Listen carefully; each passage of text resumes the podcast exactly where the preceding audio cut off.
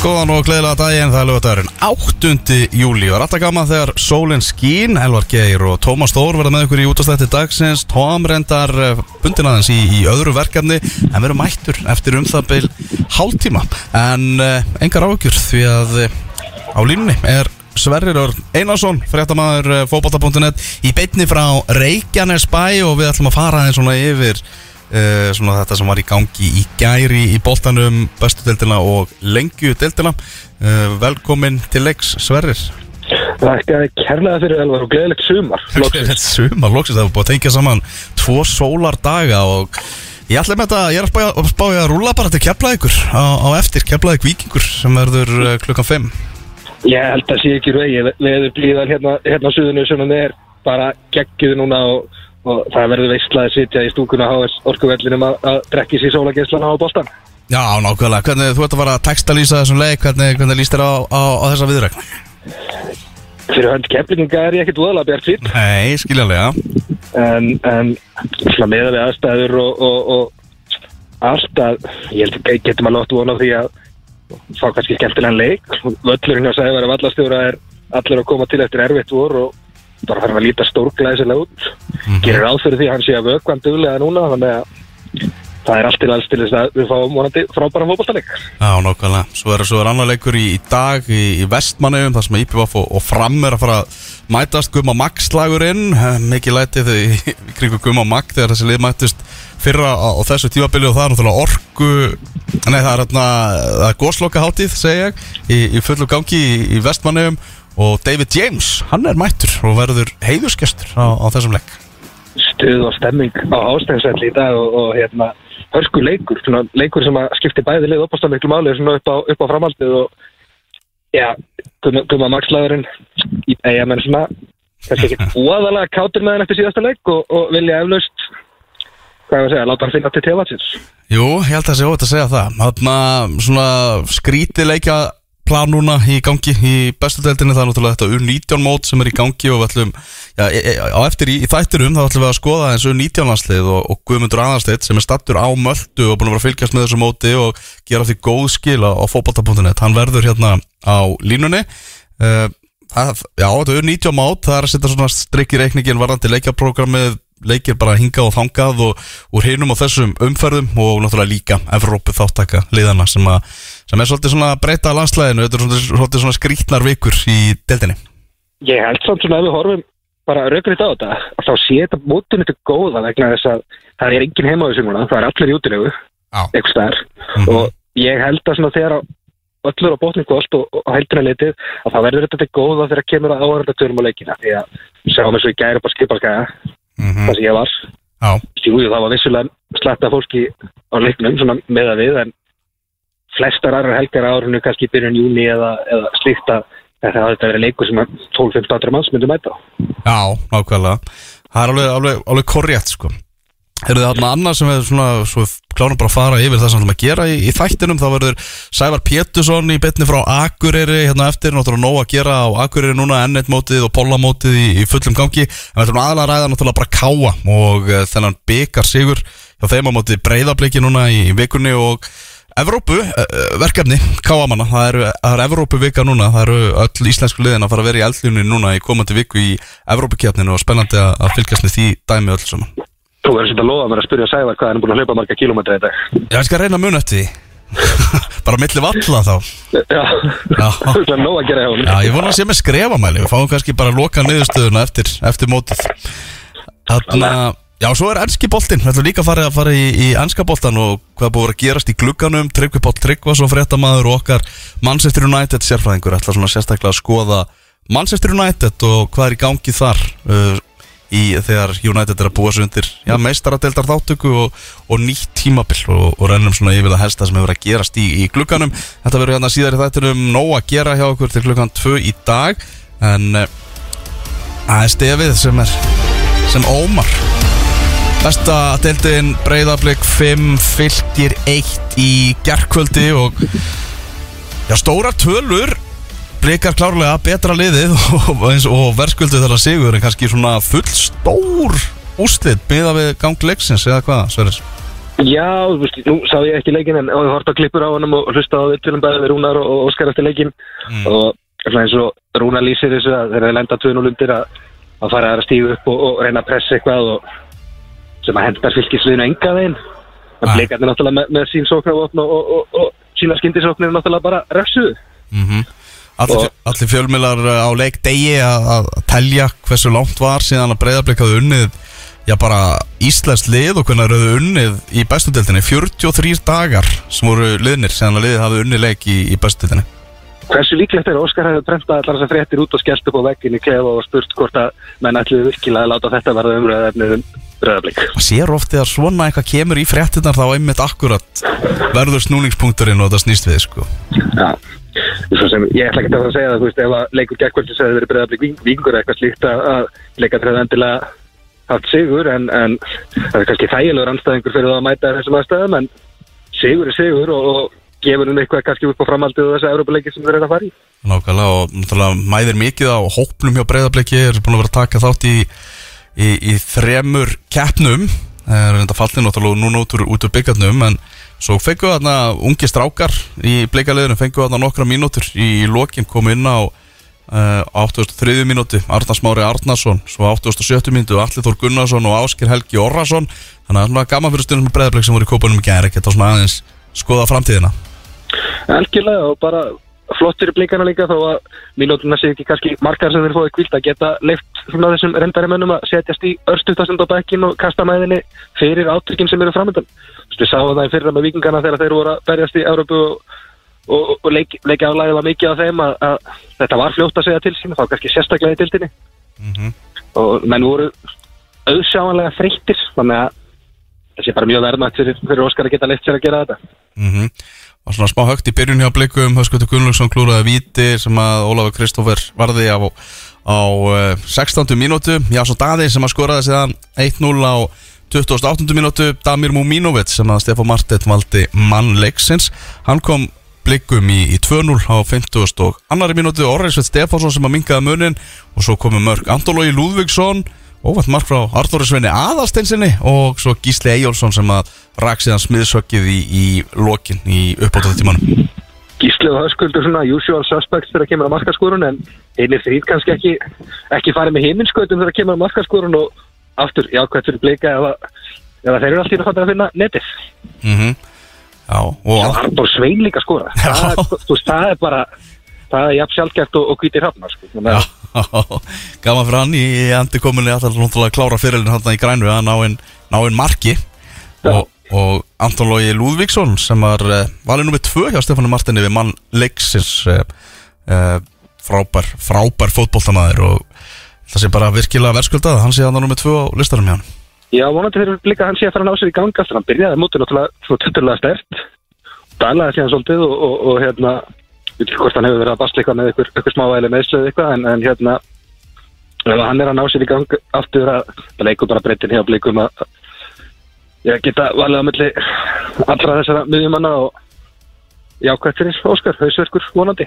Já, breyðarbleik með 27 steg eftir 14 umferðir þegar að Þessum leik er lokið, Valur með 29 stygg eftir 13 umferðir og Vikingur með 37 á, á toppnum.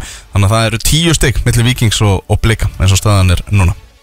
Já, eftirleikurinn kannski það færði að verða svolítið látt fyrir Blikan að alltaf sér að sækja eitthvað að reyna að verja títilinn og, og svona orðið mjög langsótt svona að maður á að vera heðalur, maður sér Vikingan ekki ekki glutra niður ekki tíu styggum allavega svona fljótt á litið. Mm -hmm. Valsmenn, þeir eru að fara að mæta aftur til leiks á, á miðvíkudagin, ég skal segja ykkur það, það er alltaf fótballtaleikur hjá Val, búið að vera svakalett frí hjá þeim, það er Valur fylgir sem verður á miðvíkudagin, stóru frétnar á Val, náttúrulega í vikunni, Kilvið Þó Sigursson að æfa með liðinu þessa, þessa vikuna, þetta er svona náttúrulega komað sér að stað, þannig að það var nú ekki með á öllum æfingum, eh, skilst með líka glíma við eitthvað svona smá hælvandamál sem að kannski Já, er bara eðlilegt og bara komin aftur í, í, í kontakt eftir, eftir uh, langa byggð og uh, maður gæti ekki klárað æmingu hjá vali í gær, heyrði ég. En fróðilegt að fylgjast með hvað verður í framhaldinu með Gilva Sjáu þau að, ég er svona veltið fyrir sjáu þau að koma í, í klukkanum og skrifundir samningu við val til haustis eða, eða er þetta bara alltaf eitthvað koma sér í gang til þess að koma sér til Katar eða bandarækjana það er, er mjög fróðlegt og verður ótrúlega spennandi að, að fylgjast með þessu næstu vikuna, Hver, hvernig þetta þróast? Það er möguleiki, þú veist, það er bara þannig, það er möguleiki á því að Gilvi verði í bestu teltin í sumar eins fárlegt og er að segja það sko. Já, Já. það er náttúrulega bara því líka hvað er ekki verið teltin að, að, að sjá hann reiknar ekki með því að hann stóttir þá lengur enn til haustins þegar maður á að vera heiðalögur Nei, og ég held að veist, hann fer ekki í bestu teltina nefn að hann sé að fara að líta á það sem undirbúning fyrir eitthvað erlendis sko. það held ég að sé alveg morgunljúst Svo veltum maður fyrir sem með valsliði þessi langa pása hvernig kemur liðið til leiks eftir þetta? Já. Jú, þeir eru að fara að mæta fylki mm -hmm. svakalegt prógram ekki á fylki Víkingur, Breðablík, Valur í röðs En hvernig kemur Valur út í þetta eftir þessa pásu? Veist, koma er gunsblazing og, og í toppstandi eða er svona, þú veist, þú að hægast aðeins á þeim og menn sem er kannski búin að njóta þess aðeins svo mikið að vera í pásu mm -hmm. Það verður frólægt Það verður frólægt Fylgismenn eh, í fattsæti með 12 eh, stig og langt síðan þeir hafa unnið fótballtaleg en þetta gerir bara þennan leik svona íbjöfaf og, og fram í dag kannski enn áhugaverðari því að þarna sjá já bara þessi liðið möguleik á því að, að fjarlægast fallsvæðið nokkuð, nokkuð hresilega Já og setja um leiðfylgi og kemlaði bara í frekar vondastöðu í rauninni. Já. Kannski sérstaklega kemlaði ekki menna þegar maður horfir á töfluna þá þetta er ekki drosalega langt þarna melli þó að, þó að menn kannski setja þetta í hvað sjösteg í dag eða hvað, hvað sem er komað upp í og þetta er fljótt að breytast sérstaklega sem þessi lið, lið eiga öll eftir að mæta breyðarblik, val, viking nefnar þetta fylgir Já, þú veist, ég skil alveg að kjapvikingar reyna að hugsa svona og, og allt það en bara þegar maður horfir á þessi lið sem eru aðna fyrir ofan, þú veist, fylgir íbjöfa fram uh, stjarnan sem eru fyrir ofan keflaðeg ég sé ekki hvernig keflaðeg ætlar að komast yfir tvö á þessum liðum því að, þú veist ekkert að þessum liðum er að spila eitthvað hróttalega, fattar þau? All, þau eru öll að ná í stig hér og þar Nefna kemlaug Nefna kemlaug Þannig að það þarf að vera svo rosalega mikill umsnúningur sko. Já, og ég held að ég held að allir stuðnist með kemlaug og býðin og öndin í hálsunum eftir því hvaða leikmennu þeir eru sem að segja að gera sækja mm -hmm. og, og hvort að þetta sé eitthvað tappir sem að sé að fara að gera eitthvað fyrir þá en hvað sem stílið er þá er staðan orðið þá þung að, að þeir þurfa að fara að treysta alla aðra. Það er bara aldrei gott. Nei, það er klálega ekki gott. Það er bara svolítið svolítið og einhvern veginn bara maður hefur einhvern veginn á tilfinningunni að trúin á verkefni fari hrapp minskandi hjá kemlingum maður einhvern veginn finnur að bara bæði við tunum við sikkar að gæti leiki sem það hefur verið að spila og einhvern veginn bara í umræðin í samfélagin að þetta er bara svona æ, er þetta ekki bara búið? Já þetta er svolítið tótnin hjá, tótnin hjá mörgum. Mm -hmm. Breiðarblik að fara að keppa mútið Shamrock Rovers á þriðjudagin, þá er fyrri leikur liðana sem að framferi í, í Dublin og uh, þetta er möguleiki, eins og Óskar aðtalaði um. Þetta er möguleiki, en glemum því ekki að Shamrock Rovers var í riðlaketni sambandstildarinnar í fyrra. Og uh, ég heyrði það hans frá mínu manna á Möldu Gumma, hann hitti þarna Ískan Bladamann og hann sagði að það er bara litið á það sem algjörðan skandal í Írlandi ef að Sjámar okkur óvis myndi ekki klára breyðarblikki í þessum tveimur leikum Getur hvernig að verið bara gott fyrir breyðarblikki að mæta þessum litla leiðin í þetta gegn þessu íska leiði og þeir hafa alveg sínst að á undanfjöndum árum að, að leikinni sem aðeins gáði Aberdeen hérna og, og eins bara Európa-leikinni fyrra þetta er ekkert þetta er ekkert gefið fyrir þetta íska leið og... Alls ekki, alls ekki, ég er full að trúa blikum í, í, í þessu emi Það heila kemur óvart og þú sést ekki að leiðinni til Írland skynna þess aðdáðandir sem þú ert að skemmt það á leikin Já, ég fyrir mig vel í döblun, kemur kannski ekki óvart. Já, svo já, það er, er Evrópa framöndan og náttúrulega, já, hvað er ekki á fymtudaginn sem að séðan eh, vikingarnir og káamenn er, er að fara að spila? Jú, það er vikingarnir í Lettlandi og, og, og káamenn í Úlfarsardal það verður sérstök, sérstök sjón að sjá Káðamenn spila heimaleg í Grænvaldi Það fyrir sérstök, ræðina það betur við, við Sævar Pétursson á, á eftir. En vindum okkur yfir í lengju deltina, þú fórst upp á Skaga í gæðir Sverrir og, og eh, textalistir legg Skagamanna og Njarðvikinga þar sem að Ía vann 5 sigur sinn í röð. Jón Þór Rauksson talaði um það að það væri bara helviti fín holninga á liðinu hans. Heldur betur, 5 sigrar í röð og eftir að sæti Jón Þór Raukssonar já, var svona kannski það heitasta í, í íslensku fótbolta þá hefur hann bara spýtt í lofana og, og, og liðið með Viðstöðugurinn algjör og, og komið sjálfstrist í liðið og maður bara merkir það á leikverða. Ég meina þeir eru skeinað eftir fram á við og úrslit leiksist 2-1. Hljóma kannski sem njárvikingar hafi einhvern raunverðin hans jens í leiknum en það var aldrei. Skagamenn átt að vera búin að drepa leikin í rauninni fyrir áleik með því færin sem þau voru að skapa og ég reyni voru bara klöfa að gera það ekki. Stangarskot, skall í slá. Það var, það var allt. En sigurinn er það sem stendur eftir hjá þeim og þeir eru stiðið bútt og þeir elda fjölni afturheldingu hérna í eftir setunum en, en hvort þeir náðu afturheldingu það sé ég kannski ekki mendilega að gerast. Nei, að þetta er, þeir eru komnir á, á Sigurbraut og það er helviti góður vani að vera að byrja þar að bara vinna hvernig einasta leik sem þú ferði það er, það er góðu vanni hjá, hjá öllum liðum að vinna hópastalegi, það er alveg rétt.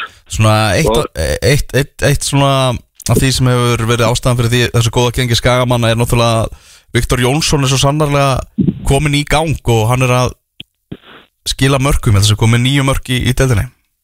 Viktor Jónsson loksins eftir hvað er þetta komið mörg ár, fjögur, fimm ár það sem að hann hefur verið að glímaði meðsli, meðslofinni, meðslofinni, meðsli loksins komin í stand og við erum svolítið kannski, hann er að nálgasta form sem hann síndi með þrótti í, í hérna næstæðslu til hvað, 2018 þegar hann skoraði 27 mörg, var ekki? Jú, heldur betur raðaðinn Hann er með, já, nýju mörg og, og bara- Arnur Gauti í afturhaldingu sem hefur skorað meira, hann er með tíu. Já, segir sjóðhætti strækjarar og lengi til þeim bara frábær hann á Já, skaman kannski ekki, verið mikið í því að vera að vinna einhverja mjög sannfærandi sigra en bara klára þetta, klára verkefni Vinna, með- með- þú veist, þessi framistæði gerð kannski myndi mig að mörguleiti á það hvernig vikingur hefur verið að klára sína leiki í, í, í jú, jú, þeir eru, að, eru miklu betra liðið út á velli en kannski engar flugveldasýningar og óbúrslega svona professional framistæða. Þétti tilbaka þegar, áreindi og, og fljótur upp öllin, skapa hætti hvert einasta skipti sem við nálgast tegin. Bara þægilegt, ef við getum orðað þessu svo. mm -hmm. Og sérstaklega bara í, á Flóridaskaga í svona veðri eins og við gerð. Já, Ég það var, var það að koma því að. Já, það er bara þannig að þegar veðrið er geggjað þá eru fáir vellir sem eru skemmtilega að vera á heldur en að vera, vera á Akranesi, vera í brekkunni verið í brekkunni og tala ekki um sko þegar maður lítur á flökkin í meðan setnáleikin og þau haggast ekki. Nei, einmitt Þú veist, hvena gerist það upp á skaga? Skaga maður enda að segja það sé alltaf lognar en það er náttúrulega það er líka alltaf keflaðið svona ef fólk vissi það ekki en Það segir sagan. En bara allt rosa á skadalið og Jóþór Hauks og hvernig þeir hafa náða að rétta úr kútnum það er náttúrulega það er ákveðin pressa sem fylgir því að, að spila í, í gulalitnum því að þetta er náttúrulega allt samfélagið upp á skaga þetta er það sem fólk er að ræða það hittist á í, í búðinu og, og bakaríinu. Já og, og með, með all, allar þessar góðsagnir í bæjarfélaginu ég mynda einhvern umræðan hefur verið á kaffistofunni hjá Óla Þórðar og, og, og, og, og félagum sko þegar, ítla gekk í vor. Þú vonandi lift, aðeins að liftast á þeim brúni núna en ég held að skæga með síðu ógeðsla pyrraðir yfir, yfir breytingun á fyrirkomulegin á lengjadildinni því að þeir náttúrulega sjá fyrir sér að geta náðu þessu öðru seti og það er bara ekkert sjálfgeðið að það skilir neinu þegar að öll er á bóttin kvöld. sama hvernig, hvernig endar. Ég hef það svo bara svo sterklega á tilfinningur og það lið sem endar í öðru seti sama hversu mikið fórskóta verður það mun ekki fara upp ég bara hef það svo stert á tilfinningunni bara vonbriðin einhvern veginn verði það mikil að og annar lið svona grípi gæsina. Það er mín spá. Getur það ekki sagt að bara sama, sama með liðið sem er í 15 seti að, að peppið við því að vera í þessu umspili sér svo mikið að þeir enda á því að fara upp. það geta alveg gæst sko. það geta alveg gæst þetta er, er frólægt fyrir maður í njarðvikingana sem hafa bara unnið eitt fótbollaleik og þeir eh, spiluðu tvo leik í þessari viku þeir töpu 3-0 fyrir leikni í, í breiðholtinu þar sem Robert Blakala markverðu njarðvikinga fekk að líta rauðaspjaldið njarðvikingar alveg trilltir yfir, yfir þeim dómi en síðan komu nú bara vídeo og, og myndir og hvað sagði það okkur? Það sagði okkur að dómarinn hefði bara verið með spot-on ákvörðun á, á þessum tímapunkti. Ég meina, hver sér leikinn með sínu auga en, en fyrir mig sem hlutur sem veðal að horfa á þetta, þá var þetta púra rétt spjald. Já, Elias Ingi bara nældi þetta, ég skal viðkjöna það ég, þegar ég var á vellunum þá hugsaði ég að, að þetta væri ránku dómur en svo sér maður þetta aftur og, og bara hann nældi þetta að, að mínu mati. Ja, en, en kút og samt á það, maður skilur alveg nærviking að vera ósáttir, þú þú færðaður allt svona í einhverju svona aðteki sem að þú veist er alveg 50-50 út á velli, hann er örlítið og sett mm -hmm. veist, ertu, allt í lagi að vera þess það, veist, það selur þetta bara betur. Og einhvern veginn kannski fer inn í hópin líka að hérna einhvern veginn ykkur finnst þið að hafa verið beitt í ránglæti og, og, og nota það svona ykkur til góðs en samt ekki alveg að ganga henn Nei, og annar rauðarspjaltið hjá Robert Blackhala og bæði þessi rauðarspjald sem Markur Njárvíking hefur fengið það hafa komið í fyrri háleg þegar staðan er markalös í leikjunum og þeir hafa sér enda með því að tapa þeim Þannig að Það er askablaða klöðan Já, heldur betur, þannig að þetta eru samtals fimm leikir sem hann er vilja bara missa út og varamarkurinn Valít Bírú er, er að spila. Spánveri sem er hann að varamarkmaður og komi upp alveg til landsins uh, til að spila fyrir hvað RB bara í, í næðstu delt Já, hann hjá þrótti vógum í fyrra og mann ekki hvort hann hafi náð einhverjum ennum tveimur leikið með þeim. Nei. svo sem, þú veist, ágættis markmaður og, og átti alveg ágættin leikið gæri en, en ekki, ekki markmaður kannski svona því kaliberi sem að þarf í lengjadildin yfir heilt sísón Nei, og njárvikingar ekki að gera ráð fyrir því að þessi gaur var að fara að spila fimm leiki, sko. Nei, langt í frá. Það er þannig, hann að kemur óvart að í byrjunulegin njárvinginga, Rafael Viktor ég held að, ég held að hann verði bara farin frá njárving Já, Erfnir Hallsson talaði um það eftir, eftir leikin gegn Þórótauðunum að hann hefði leikið sem síðasta leik fyrir félagið. Og því kom að mér spánstur í sjónu þegar ég rækka augun í hann og skil rækka augun, reyndar ég hann bara þegar leikunum var að byrja ég tók ekki eftir hann á skíslu en, en hérna eftir leik að þá náttúrulega spyr maður Arnar Hall sjálfs, sjálfsögður í það hvað hefði breyst í málum Rafaels og, og uppbóst bara ræða frá Arnari um það að hérna Rafael hefði bara breytt sínu hugafari til og verið, verið til algjörar fyrirmyndar síðustu vikur góðar framhegstöður og æfingum og, og, og bara verið góður strákur. Það var sem voruð komast. Mm -hmm. og hefði breytt hans skoðun. Ok, bara vansi inn í náðina? Bara batnandi mönnum er best að liða og, og já, ok. Já. gaman, gaman að segja að leikmann geti ja, snúið, snúið skoðinu sjálfar á sér og, og, og sínt framúrskarandi hugafar og er mitt gaman líka að Arnar geti klingst stoltinu og sagt að hann hefði kannski haft ránt fyrir sér í þeirra skiptið og já, geta gefið hann sjans mm -hmm. Er eitthvað aðra fréttir af, af leikmannahópi njárvikinga? Markmark Ásland ekki sjáanlegur á skýrslu í gerð og ekki mittur ekki leikmanni. Arnar talaði um að hann hefði gefið hann frí en bætti síðan við að hann vonaði að hann sæi Mark Ásland í rauðum njárvikinga í næsta leik hvað sem að menn vilja lesa út úr þeim orðum. Já, þetta er skritið, hann var langt frá sinu besta Mark Ásland á móti, móti leikni hann í, í 3-0 tapinu en já, þetta er, þetta er loðinsvör, hvað er Mark Ásland? svolítið loðin svör og, og svona skala við ekki að ég fór á stúan í gerð og, og fór að spurja menn svona aðeins út í stöðuna hjá Njárvík og með gegnum gangandi þráður þó ekki allir hafa verið sammála að hérna einhver orður ámur um það að Arnar Halsson sé bara búin að missa klefan hjá Njárvíkingum Já, þetta er, þetta er langt frá vendingum vissulega nýliðar í deltinni en þeir voru svolítið að spýta í lóna gera náttúrulega þjálfara skipti fyrir tímabilið og Bjarni Jó sem kom njárvíkingum upp en, en, og með bóa og, en þeir látni fara.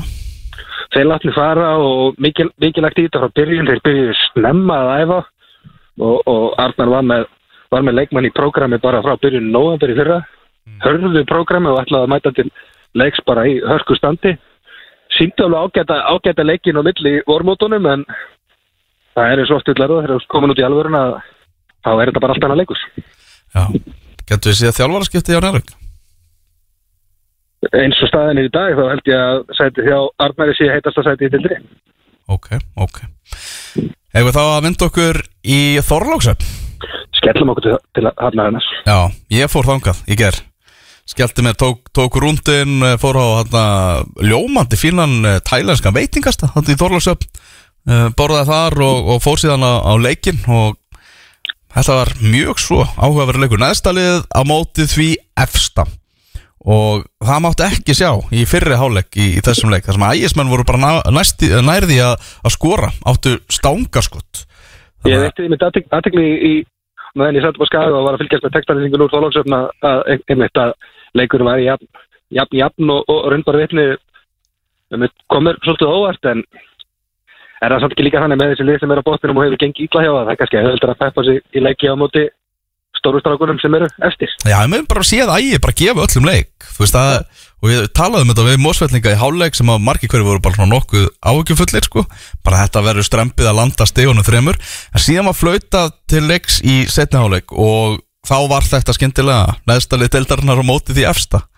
Því að Maggi ból að kikka inn. Já, því að fram að því að sko bara lefa að flauta setni háluleikurina á, þá bara fór leikurinn fram í og við marktegin á marki ægjasmanna og bara lágmark í loftinu þar til að Arnur Gutti Ragnarsson hinn sjóðheiti, sóknamaður afturheldingar og markaðasti leikmaða deildarinnar náði að skora talandum sjóðheita menn fyrir strax á eftir þá kemur Elmar Kókitt sem var eh, leikmaður umferðarinnar í umferðinni á undan skorar 2-0 og þar var þar með var eiginlega svona okkur með leiklokið Bjartur Bjarmi sem að kemur afturheldingu í 3-0 ægismenn á minga munin en þá kemur bara Elmar Kókitt aftur og, og, og skorar Það er óbúslega gaman að sjá afturrættingarliðið þess að dagana og, og þetta, þetta verkefni sem er búið að vera í smíðum í nokkur ár hjá, hjá Magga og, hans teimi.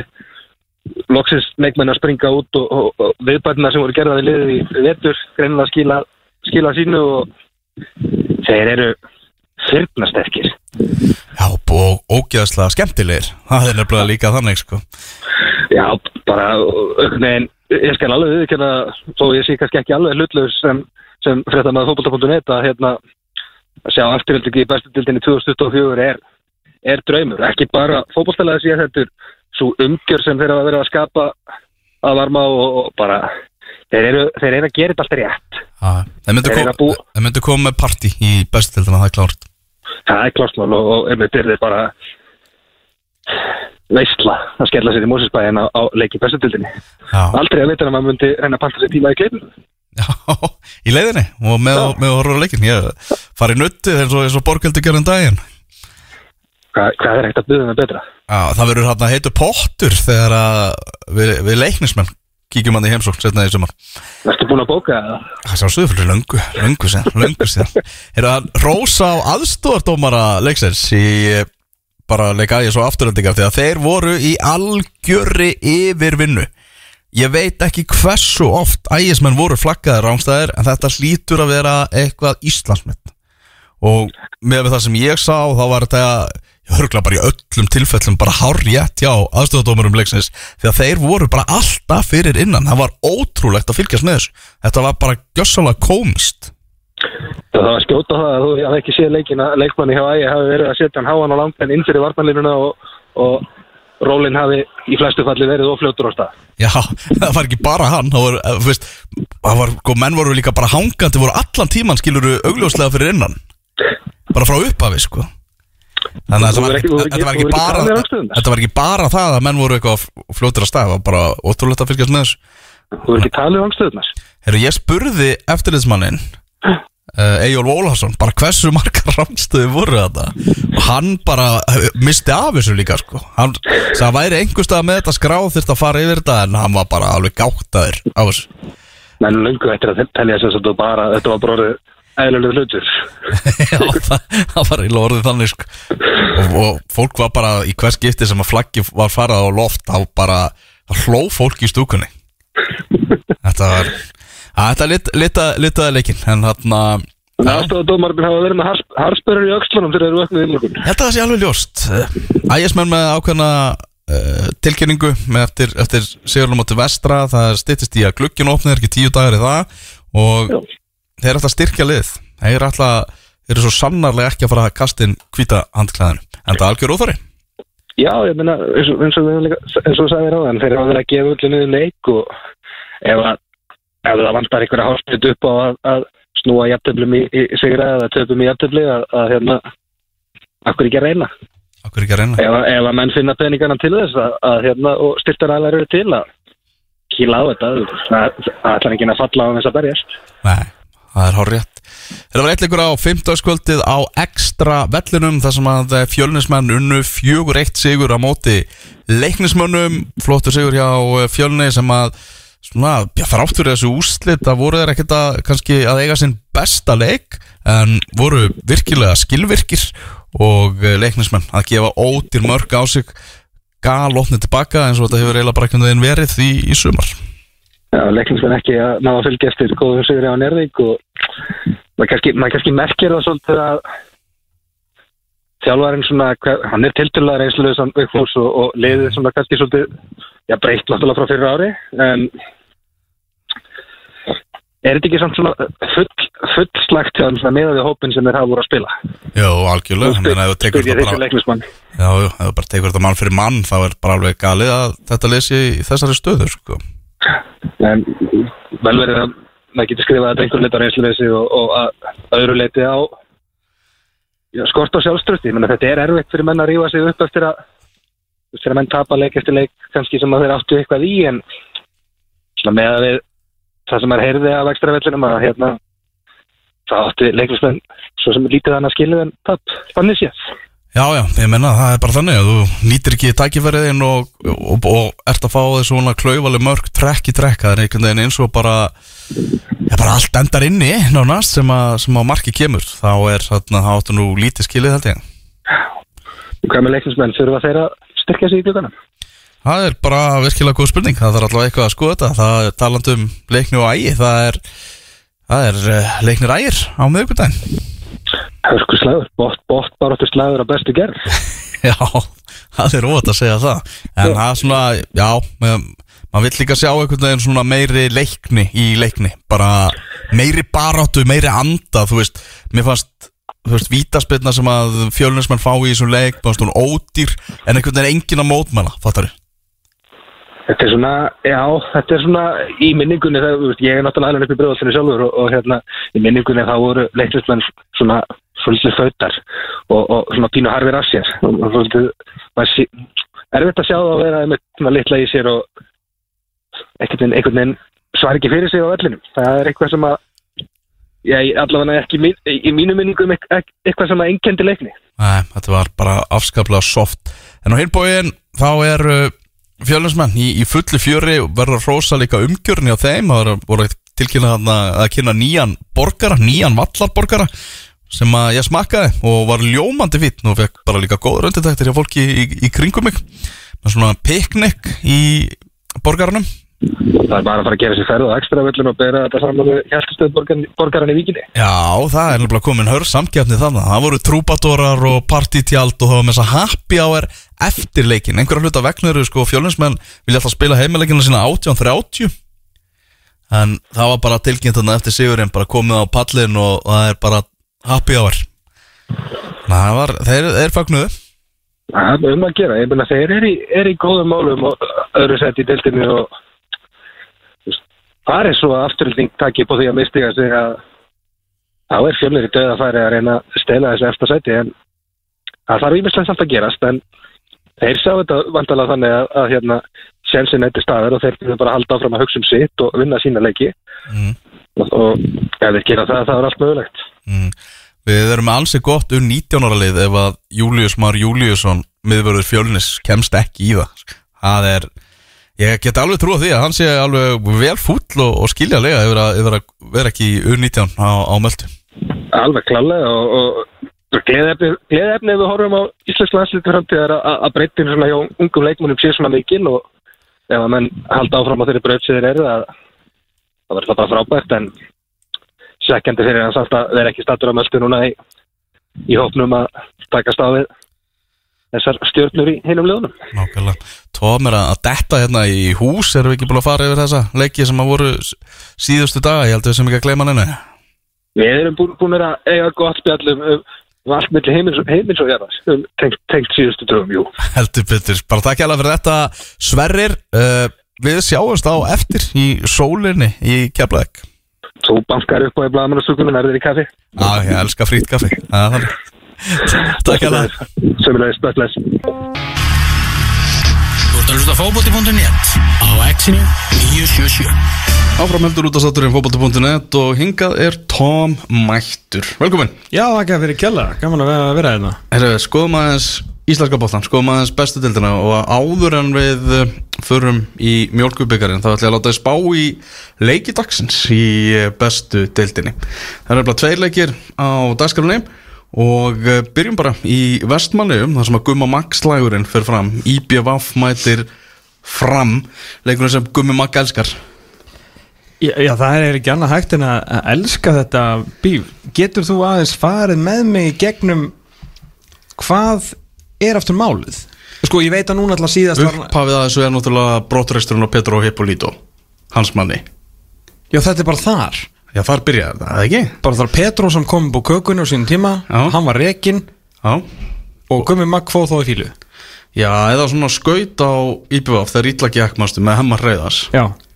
að bara að hemmir reyðars var að fá mun meiri þólumæði heldur en Petro Hippolito hefur fengið Já, um mitt. Sá merkið þjálfari. Já, og síðan var náttúrulega allt var hann Allt tjúlaði eitthvað í fyrra og hann náði að tjúna það upp og svo var hann núna, voru ykkur olbú og skot og punk, spörk og punk eitthvað. Já, var ekki Gauði Karra sem sett á Twitter hann að bara Já, já, já. hlakka til að fá þau til eiga eða eitthvað Emitt, emitt. Þetta, er- þetta er mjög svo hérna, ég, fagna þessu enguða síður. Þetta er leið til þess að- gera uh, það sem er ekkit eitthvað trillt áhugaverður leikur en samt alveg áhugaverður það sem að þessi leiðir og svona svipuðu slóðum og alveg frekar stór stig í bóði að hérna gera svona aðeins sagvaríkari en Guðmundur Magnússon er líka alveg að setja svo það mikla pressu á sjálfa sig. Hann er að gera það. Í náttúrulega nummer 1, 2 og 3 þá uh, munu vestmanningar takunum mjög illa, alveg eins og mm. gerðu síðast. Hann mun fá að heyra það úr stúkunni og rúmlega það. Jafnvel einn á vellinum, náttúrulega mikið það er svolítið slatt á heimamönnum hann sem væri örgulega uh, virkilega til í að, að merkjan all hressilega. Þannig að svona hann eiginlega hvort sem hann skorið ekki, það náttúrulega er ekki derfiðar í fótbolta heldur en að, heldur en að skora mörg en hann eiginlega verður að bjóða upp okkur að framistuðu sko, Já. svona svona fremið sem hann sé í byrjunleginu mm Skoraði í síðasta leik. Já, þannig að hlýtur nú, er ekki, einu ekki svona að setla málin, Nonni og, og Gummi, er þetta ekki, er hann ekki búinn að svona refsónum, reyna að kveikja hans aftur á honum og nú er hann aftur orðin stjörnu strækjar framara. og Gummi Magg uh, svona sýtti auðmygtar og svona viðkjöndi það að hann hefði látið pyrringin bitna á raungumstað Mm og, og Jón Sveinsson svo sannlega eldri en tvævetur og spilaði líka sjálfur með miklum karakterum og, og superstjörnum á sínum tíma en í 80s eða á nýjund áratug síðustu aldar þannig að ég held að hann kunn ráði ansið vel við, við svona, uh, við svona gutta. hmm. Leikur sem bæði lið þurfa að vinna bæði lið mun ekki vinna hvernig fyrir þetta? sko þetta er svona, eigamenn alltaf fá ég ætla á þess að vera með þetta fyrir frammi þá ætla ég að giska að þeir sé með þjóðháttíðarleiki ár er það ekki bara orðin lænska? Þú veit að stjarnar sé í heimsóknuna? Já, þetta er nánast þjóðháttíðarleikur því að ekki það er náttúrulega góslokaháttíð núna og ekki nóg með það sé góslokaháttíð að þá eru 50 ár frá eldgósinu í Vestmannum árið 1973 eh, sem að því er að það verða ansi margir í Vestmannum allavega heimamenn sérstaklega, þetta er náttúrulega ekki fjölsótt af, af ferðamönnum Þannig að hérna, það má, vonandi verður margt um mannin á, á vellinum og það er svona stemning í bæjarfélaginu, það hlýtur allan að gefa íbjöða breytis úr 50-50 í 60-50 Mm Já, Richard King í stúkunni, ekki með. Já, ef hann mætir, það er alltaf nóg annað að gera á góðslokkáttið, sko. Já, það er rétt. Það verður kannski hattasöluna Já, hann eitthvað. getur verið, sko. Já, yfir ára kemur þá væntanlega inn í byrjunarliði búin að voru bæknum í undarförnum leikjum Já, maður, þú veist, svo heyrir maður alls konar hluti sem að, hérna, með það og þessi svona bara góð og gild ástæði fyrir því að hann sé, hérna, búin að vera aðeins utan hóps, að það sé svona eitthvað eitthvað í nær umhverfinu sem kannski ekki endilega eitthvað svona eitthvað fótboltalegt uh, sem að sé, sé í gangi Eitthvað persónulegt í honum? Eitthvað, eitthvað svona, en, en maður alltaf heyrir ímislegt og, og alls konar, það myndi samt kannski útskýra það því að ég held að þá þurfa hann sé mikið að gerast fyrir eða í kringum eða Aron Sigurbjörnsson til þess að hann sé ekki lengur í í byrjunuleginu hjá Íþróttabandalagi Vestmanna þar sem ekki er hann bara langbesti leikmaður þess, heldur er hann veist, á kaliberi við uh, fótbollakallana í efstu fjórulegunum Já, bara eitt besti miðvöru deildarinnar Klárlega. on his day, Já. klálega uh, þannig að það er svona allan að það rýmar við það, það sem að við fara með eitthvað, eitthvað lengra með, en svo getur það líka verið eitthvað algjör, algjör, algjör villisa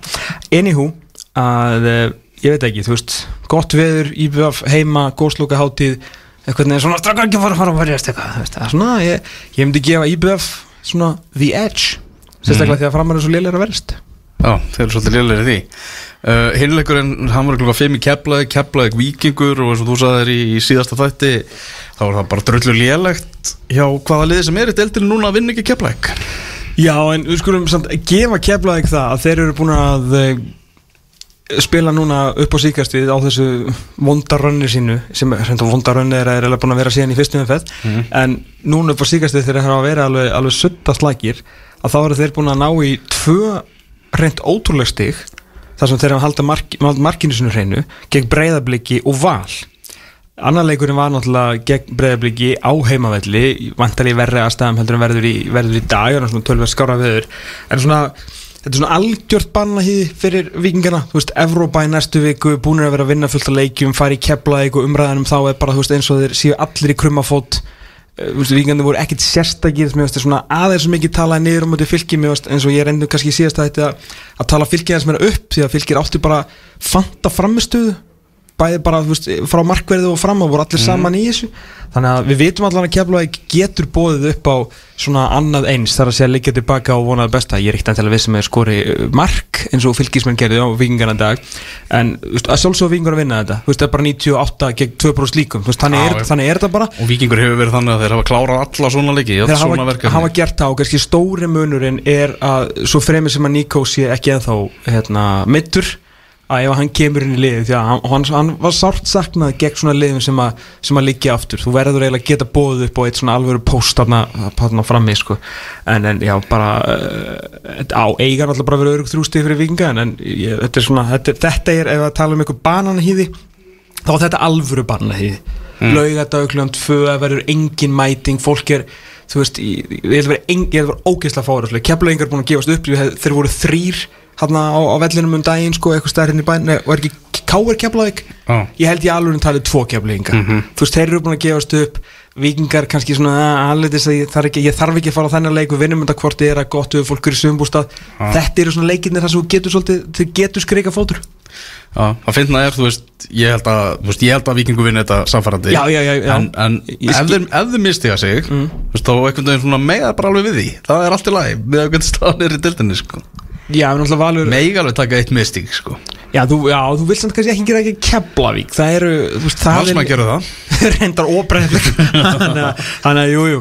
Þarna þarna er allan á fjögur stig farin úr topportunni gegn keflugingum, þannig að það verður að gefa þeim það. Þannig að Siggi allan að verðist geta sett upp svona eitthvað eitthva gameplan þegar menn er að liggja ansi hressilega tilbaka, en það geti orðið þólumæðisverk fyrir vikingana og hér kemur eitt svakalegt teik hlustaði nú, því fyrir, því sem vikandi skora því auðvöldar að verður þetta. Já, það er svolítið Já. Það er svona eins og breyðablik á móti bútokunust Ég er svo Já, heyrðu, förum í mjólkur byggarinn uh, Undan úslit sem voru leiki núna í vikunni og það er ótt að segja undan úslið sem var leikið í vikunni. Já, nákvæmlega, það er ekkert vita hvernig leikur Víkings og K.R. fyrir fram. Það er bara að sjá til svona hvernig Víkingum vegnar í Evrópakjarninu að það er fundið dagsetninga á þann leik. Uh, Leikurinn fór náttúrulega ekki fram vegna þess að Jói Bjarna er í U19 verkefni. Og Benoni ekki, hann var tekin inn. Jú, hann var náttúrulega tekið þegar inn hérna menn fóru að vera fengu bann. Há- hárétt uh, og Óvænt vikingar náttúrulega með líka, Gísli Góðskálk Já, má ekki glemma því. Ó, en Víkingarnir báðu ekki um ég. Nei, nei, það er endur káur ekki báðum já. Já, þeir hefðu verið- viljað spila leikin bara til að halda, halda rútinu. Það er líka verið skrítið vikingar hefur gert það með strák sem að maður er alltaf búin að vera mittur og kemur eitt inn á sko en, en Jói Bjarnar er líkil maður í káliðinu Mhm. En þessi úslit á Akureyri á Greifavellinum svakalegur fótbolltaleikur uh, henni hlutlausu var að vonast eftir breyðablik viking í, í byggarúslitum svo vonu er farin. Mm -hmm. Káa, heldur betur gýri þeim heldur betur karakter. Uh, rosalega dramatik í, í þessum leik þar sem að höskuldur skorar hann í lokvennilegs leiktíma kemur breyðablik yfir 2-1 og Ívar skorar síðan hann á 7. mínútu uppbótatímans og jafnar 2-2 breyðablik kemst aftur yfir uh, höskuldur skorar hann úr þessari umdeldu vítaspilnu en Pætur Pettersen jafnaði á 117. mínútu og kom leiknum í vítakefni maður var rosa ofti í þessum leik bara svona, að nú er breyðablik komið með þetta.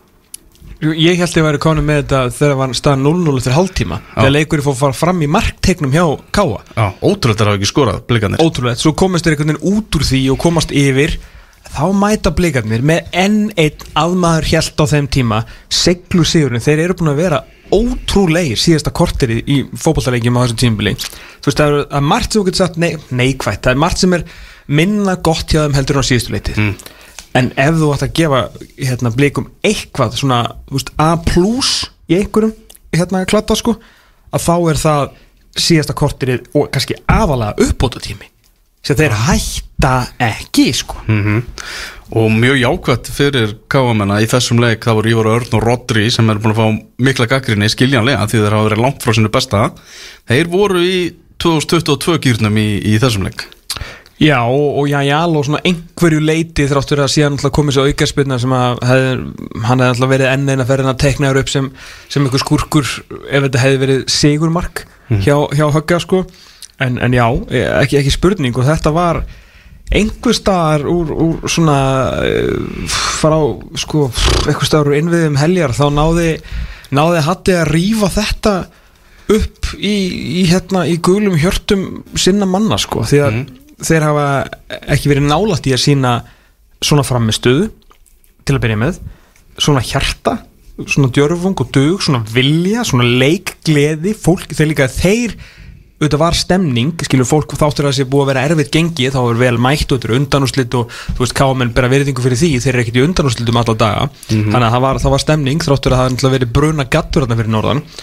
En líka bara, ekki bara það að þeir voru að halda hreinaðan til að byrja með og þeir komast yfir bara svona leikleði og vilji og þór káa strákan inn á fótballtæðinum það reyf fólkið með og þannig að varð bara eitthvað svona alvöru byggar geðsíki sko. og þetta er þannig það sem að er auðveldara oft hjá svona liðum út á landið að hérna, og í minni bæjarfjölu skulum segja líka alveg þess að svona sko bara stjartmann skilur með hvernig það var þegar allt var í dúndurgangi þar.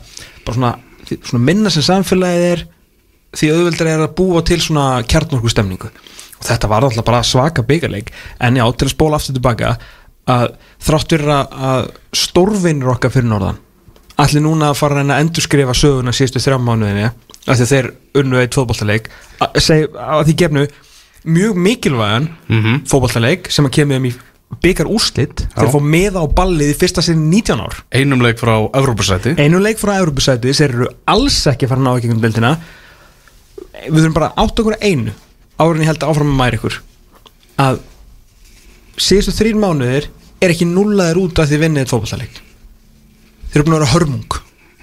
Hörmung á að horfa og tekið mörg skrif aftur baki eins og ég margóft sagt. Allir bestu leikmennir sem, allir bestu leikmennir fyrir að fyrir að ekki geta neitt.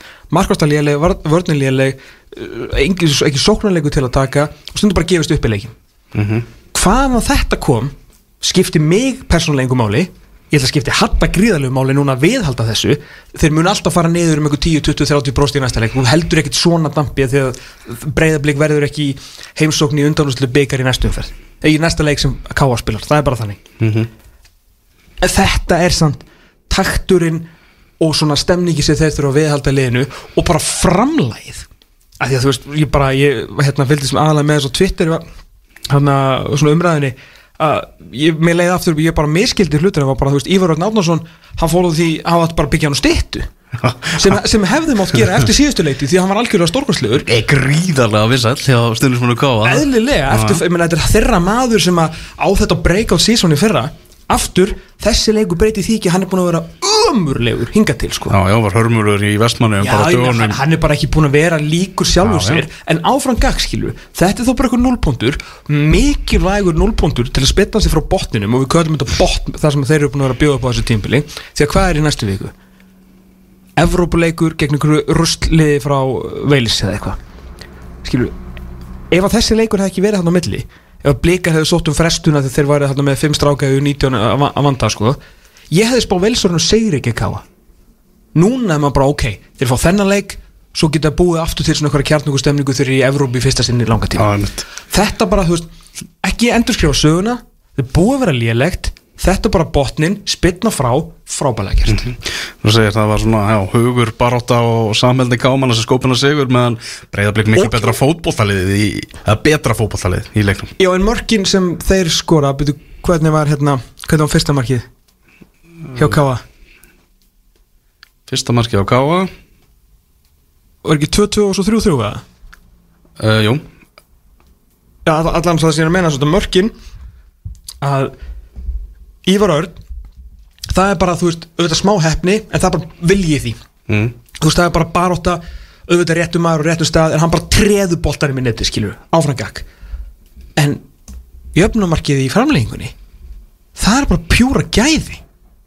Já, það Það var Áskei Sigurgjarsson með fyrsta marki já, já, já, þú veist, ég, en ég það sem ég er að segja að þannig að fá þér bæði bara svona bara svona alvöru baráttu mark veist, við erum bara norðan og bara koma svo bara að tróða þessu hérna inn.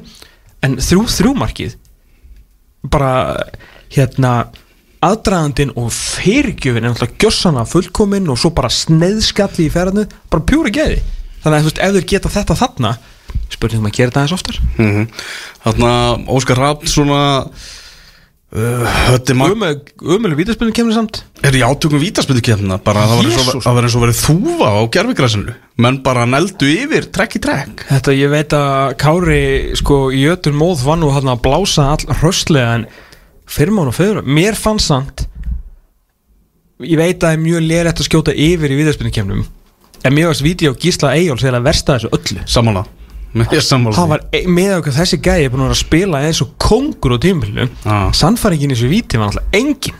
Já. Elvar Átni klúraði viti, Gísle Jóls klúraði viti Hallgrimur Mar klúraði viti, Viktor Karl klúraði viti og Clement Olsen klúraði viti og svo kom bara Rodri. Tók, að- viti lang, langbesta vitið Já, með vinstri og, og, og kláraði þetta. Slútaði þessu. Uh, þá svona talaði hötti makkarna í, í útsendingunum við Óskar Rafnum þetta eru vantilega þung spór sem ást að taka en Óskar svona að það nú margt erfiðara heldur en að tapa fótboltaleikjum og, og eitthvað. Uh, það snýst ekki allt um úrslit og ég veit ekki hvað og hvað. Er eina sem byggarkefni snýst um er úrslit. Það er þannig. En þú veist, Óskar hlý, ég, þú veist, það er svo mikið samkeppni milli Óskars og Arnars sem eru náttúrulega bara turna til tveir eru bara, þú veist, Vengar og, og Ferguson bestu deildarinnar. Ég meina, hann lítur að horfa til þess ég meina, það eru góða líka og því náttúrulega bara vikingur vinni tvöfalt núna og í titlumtalið er þá ekki komið 5-1 fyrir Arnar Gunnlaugsson ef að, að vikingandi klára tvennuna?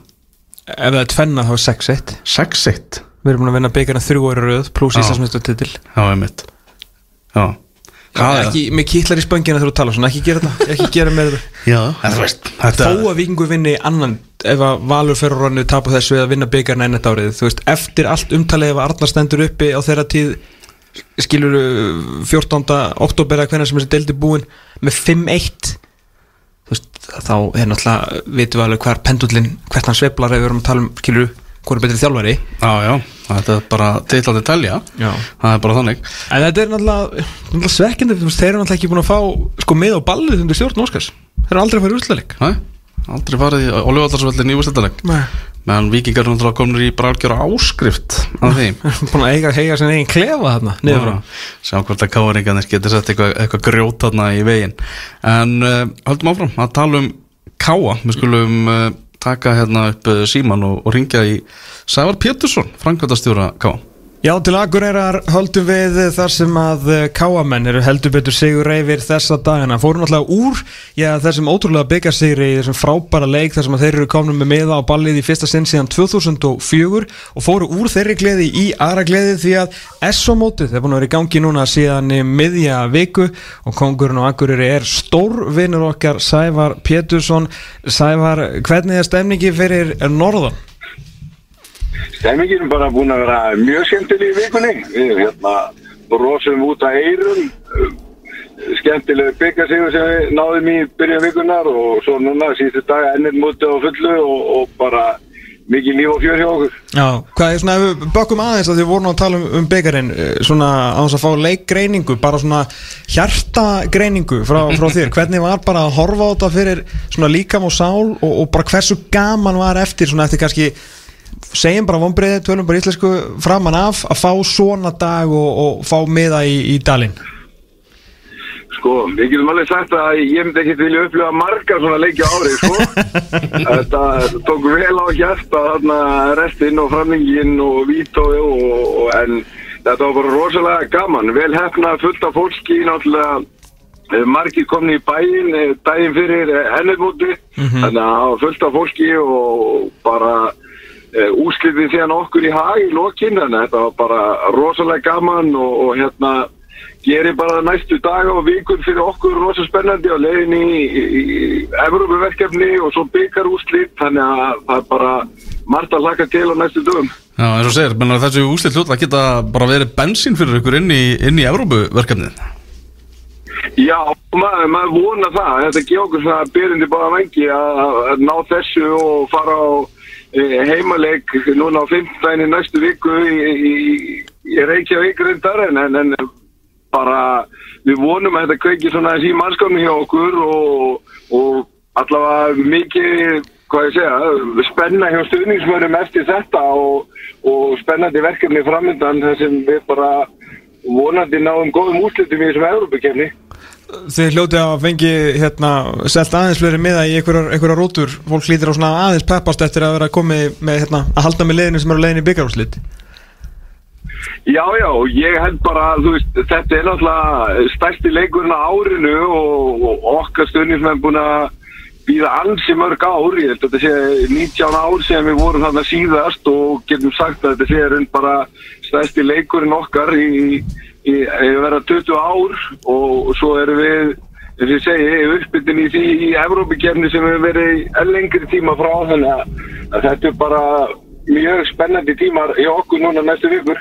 Eru hérna, hvernig, hvernig verður svona svo tilháta með, með heimaleikin ykkar á að gera hana að ferja eitthvað lið hérna söður til að búa til alveg, stemningu?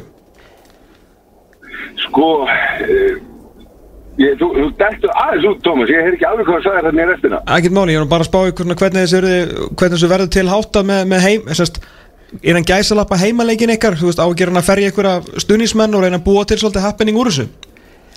Jú, jú, við erum byrjað að byrja skráning bara strax eftir leika og síðasta þriðut og þá byrjuðu skráningar í rútuferðir og, og við erum meirins að reyna að stilla að þannig einhverjir krakkaleikir og okkar vegum spilist á, á miðjögudeginum á undan í bænum þannig að við eigum að líka fullt af fólki uh, fyrir sunnan og, og svo eigum við náttúrulega bara marga aðflutta akkureyringar sem búar á höfuborgarstöðinu í dag sem er stólund alltaf á að koma að stiðja okkar lið í þessu verkefni sko. Mm -hmm. Það var svona fyrir hlustendur, það var þetta náttúrulega á, á framvöllinum í Úlfarsárdal, það eru velskir móterjar, hvað veistu um þetta lið sem þau eru að fara að mæta? Vá, stafka, ég heyri rosa lítið ykkur. Og Palli, hvernig, hvernig hérna, hvað þið veitu um þetta, um þetta velska lið? Já, við, við höfum aðeins verið að skoða það í síðusti leikjum. Þeir náttúrulega eru á off-season núna. Við, við sáum að spila æfingarleikum helgina við, að ég held skost uh, líku tvölið og uh, ég bara vona allavega með þess að með sáðu þeimleika að það gefi okkur góða möguleika. Við teljum okkur eða góða möguleika mot þessi liði. Þetta er svona típist brest lið sem að Þetta verður ábúrslegt svona fætt sérstaklega í vítategnum okkar. Þeir setja mikið bara inn í teginn og sterkir stóri strákar þar og svo bara barist um setjumboltan sko sem við verðum bara að klíma við.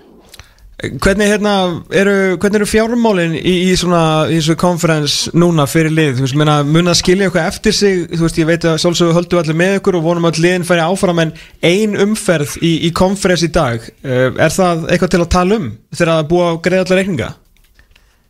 Sko, ein umferð eh, er nú bara held ég svona fer að stærstum hluta í bara kostnáð og svo bónusa fyrir leikmenn svo framvegis. Eh, ég held að öll félagin horfi í að komast, komast í aðra eða þriðjum fyrir þá er það eitthvað sem skilur eftir. Alveg fyrir sem skiptir máli fyrir félagin uh, fyrsta umferðin er svona já, ég, það, það verður ekkit þú veist, hvað ég segja ekkit mikið eftir eftir hana þó þetta sé allt sem við erum að reymbast við að ná öll félagin hann inn en, en stóru peningarnir eru hver, hver umferð sem kert áfram.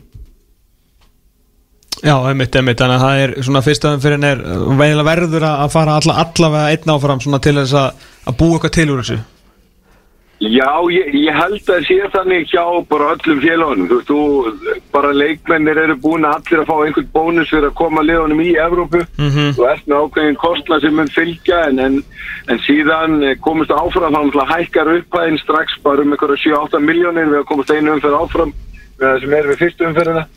Þannig að, að það eru stóru peningar, ég held að þetta sé ekki launungamál að uh, komist að einu umferð áfram, uh, eins og peningarnir eru settir upp í dag, þá eru við með 250.000 eurur fyrir fyrsta rándið. Mhm. og komast eitt áfram þá fyrir 300 í viðbót. Já, þannig að það, fara að vera peningar sem skipta máli þegar upp í staði sko Þannig að eins og tölum áðan mjög svona jákvæmt búst sem kemur með þessum byggarleik voru svona vikundar á undan, voru þær þungar? Þar sem að kannski úslitin voru ekki alveg eins og þið vildu en hattu náttúrulega að tala um að svona tölfræðilega væri, væri margt jákvæmt en, en að vantaði bara að skora mörg Já, já, ég, veist, eh, sko, ég, ég er úrslitin sem við vorum að ná kannski síðustu vikur er ekki svona í taktu það sem við vildum en ég fagnaði samt alltaf sko umræðanum okkar þegar við erum í 5-7 seti, komin í undan úrslit að ég vil í úrslit byggara í Evrókjörni að, að það sé orðið lélegt og káa. Ég fagnaði að við sem komin á þann stað þessu stutt sem við vorum að tapa fyrir Bíin og Bólungavík og einhvern svona liðum. Þannig að ég fagnaði að þetta sé orðið við með okkar en, en hérna á samaskapi þú veist, það er ekki launingumál að við fórum á stað og við viljum vera topp fjögklubur og við erum aðeins frá því uh, á sama tíma vildi við gera vel í byggarnir í sumar. Þetta voru svona tvö stóru markmið okkar, það var að reyna að tryggja klubin aftur í sessi eða ekki við erum búin að vera síðustu tvö ár fjórða og öðru sett og við viljum vera það uh, og við vildum gera vel í byggarnum þannig að ég held að við séum þó við séum kannski einu skrefi frá því sem við viljum vera í deildinni að þá er það ekkert e, órjúvanlegt ennþá við erum bara fjóru-fimm stöðum frá þessu og fullt að leikjum eftir. Og komnir í byggarúslitin sem að verða heldur betur stóri leiku fyrir okkur. Já, það verður partí, við erum vantalega heyrið þér áður en að, að, að þeimleik kemur. Það sem við vitum að það er náttúrulega nóg að gera enn eitt mótið að, að klárast í dag. Þá ætlum við nú að fara, fara að, að sleppa þér. Ég, er bara ein spurning Sævar, er ennþá verið að tala um fyrir norðan svona í kringum ennöðmóti þegar ég varði tvö viti í leiknum 7. seti á móti fram 96 það hefur bara enginn glemt því sko. Nei, ég skilaði vel, það var allt vittlust sko Það var, var, það en voru það er alltaf það, við sáum hann í byggarnum að það er ekki auðvelt að skóra vítum. Nei, nákvæmlega, sérstaklega ekki þegar ég verið rammanum á lítilmörkar að segja. Uh, síðan var þetta svolítið þetta er á stort öllum lefunum Það var hérna bara njótu ræðsum við restir hérna helgarnar og til hamingi með hérna byggasýrin bara takk kjærlega strókar Sáðanstunir, bæ bæ, heyrjum Bye. Næsta tóðið það myndi okkur í, í ennska boltan og sumar gluggan það eru ennsku félögin er svo heldur betur að, að styrkja sig þrátt fyrir að fá hana nýja samkjöfni frá Sáti Arabíu sem að eru heldur betur að, að ná í stjórnur líka uh, sem heyri Tryggva Páli okkar Manchester United uh, sérfæðingi hérna rétt og eftir en svona fyrst að við skoðum svona stóru svona fréttinnar í kringum þetta. Manchester City, byrjum bara þeim Englandsmeistarunum, Mateo Kovacic kominn til, til þeirra frá Chelsea, svolítið bara svona til að fylla skarð Ilka Gundogan sem er náttúrulega farin til, til Barcelona.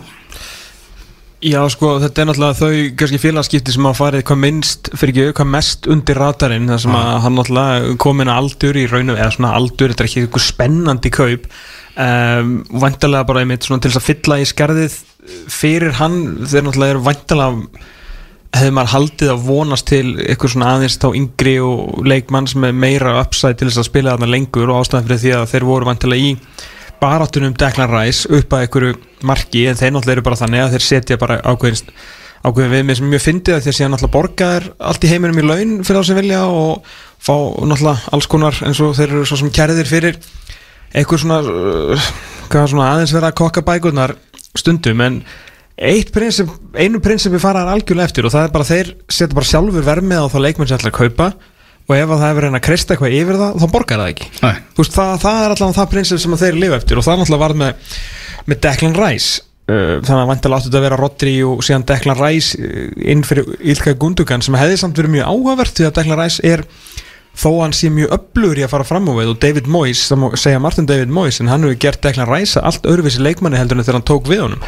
Hann var svona miklu líkari Rodri sem svona setjandi sexa en í þessum tölfræði þáttum, tölfræði þætti sem heitir progressive carries eða svona veist að fara fram með boltan sem að skilar einhverju þá var hann held ég bara eitthvað, í ævintýrlegum tölum með að við aðra miðumenn í svona svipum flokki núna um, í deildinu á síðustu leitið þannig að en hann náttúrulega kannski ekki að blungin og leikin og marksækin og ilkaði gundugan en maður veit svo sem að, að Pekka Djóla getur hún gert ímislegt við leikmenn. Þannig að já, Mattíu Kovacic mættur þarna og það er bara svona, maður, maður veit alveg að það mun funkara af því að það er eitthvað sem við veitum um Mattíu Kovacic þá er henn gamla góða setning hann er svo góður í fótbolta. Já, hans svona yfirsýn sendingageta og sendingageta er bara á þeim kaliberi á, á því kaliberi að uh, hann verður frábær alltaf þegar að fær mínútur með Master City. Þú veist, það er engin hætta á öðru. Hvernig velin í honum er til þess að sinna þessum, þessari pressu og þessum marnarleik, bara veit ég ekki. Hann er, hann er alltaf kannski ekki svona með mestu velina eh, hann er svona svolítið svona þægilegu leikmaður sko, alveg duglegur en þetta er ekki eitthvað Bernardo Silva eða Gundogan eða eitthvað þannig kannski er það og Pekard Jóla sér eitthvað tölur og veit að mun nýtast en fyrir mér er hann svona meiri meiri svona fótbolta heili sko Uh, við skoðum Arsenal, uh, þeir ætla bara að keira og það að fara aftur í titilbaratið það er alveg morgun ljóst og þvílíkur þvílík sumar hjá, hjá Edu og þvílík bara þrjú ár hjá Edu hérna á, á skrifstofunni. Mæntilega í samfunnu með við Mikael Arteta á, á alla þarna og, og þessi bandarækjumenn sem er að hjálpa þeim að stýra þessu hafa svo sannlega gefið honum bara Edu Gaspar bara þvílíkt tröst til þess að endurbyggja þetta lið. Og þetta er alveg lengra verk þetta er ekki bara síðasta sumar og, og janúaklukkin sem var næstu ég búin að fleita þeim alla leið með, með trossart eða kannski þetta gera betur hérna og ég, kannski vera með aðeins öflur að backa upp í miðverðinu menn skiptir ekki máli, áttu, áttu super tímambili í, í Premier League.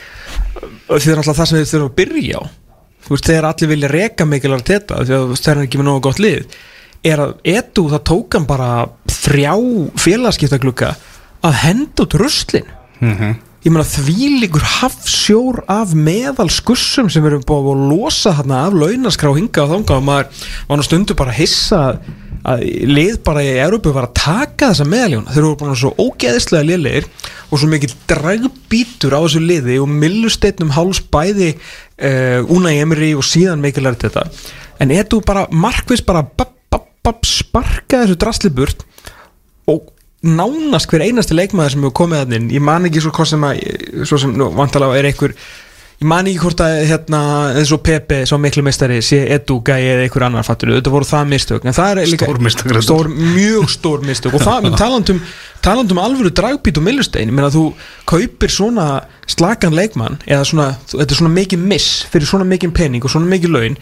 Þetta er bara það hefur bara áhrif á lið með ekki meiri fjárráð á þeim tíma allan eins og Arsenal. En núna, búin að losa þetta allt sem hann uh, næst yngsta liði deildinni sem endar í öðru sæti yngsta lið, þú veist, þú verið 20. sæti þannig að sér að þú veist munun og gæðunum og, og þjálfunum á þessu lið einn kemur deklaræs uh, svo verist hann vera að mæta hérna Timber, já. þú veist það er svona verist vera klárt þannig að það kemur alveg mm. backup og bara samkeppni fyrir Gabriel og, og Saliba já. búin er að negla Saliba áfram hann er ekki að fara neitt, þú veist hann er ekki að fara í real eða eitthvað, allan ekki strax Saka er búin að semja og, uh, og er ekki búin að landa einu viðbúta Já, stórfjarnar eru náttúrulega bara miðsvæðið þeim, Dagnar Ræs og, og, og Kai Havertz. Já, já, Kai Havertz sko. Já. það er Það er það er spurningamerkið. Það eru vangaveltur um það að nýja miðjan hjá Michael Arteta sé Kai Havertz, Declan Rice og svo Ödegard þannig að Ödegard kom með bara nýja, nýja vinni þarna á miðsvæðinu. Já, maður er bara ekki nógu einhvern veginn fótboltafróður til að sjá það er meira svona taktísk fróður til að sjá hvernig þetta er að virka en ef maður hugst, notar bara svona augun sín að fara úr parti sem var bara svona pjúra hérna haldandi og, og svo Saka sem var að hjálpa til þar. Hann var húst við hliðin og hann var að hjálpa til í vinstri bakurum, hún var ítt miklu framar fyrir að Sinchenko var að koma inn þannig að hann var að skila mörgum og stóðsendingum eins og hann aldrei gert áður á sínu ferli því hann var að spila nær markinu og er merkilega markvis uh, hérna Mark Heppin og, og getur gefið sendingar en síðan alltaf, þú veist, Emmett, Declan Rice er hann þá, ef partið er að fara það lítur út fyrir það að þeir ætla að reyna að koma honum í burtu til að svona, þessi draugur hans einhvern veginn svífi ekki lengur hérna yfir vötnum Mhm. verður þá Declan Rice allar að þá að rífa í hamburðan honum Þú veist, verður hann þá bara af, á, á, á að breyta honum í rottri Mhm.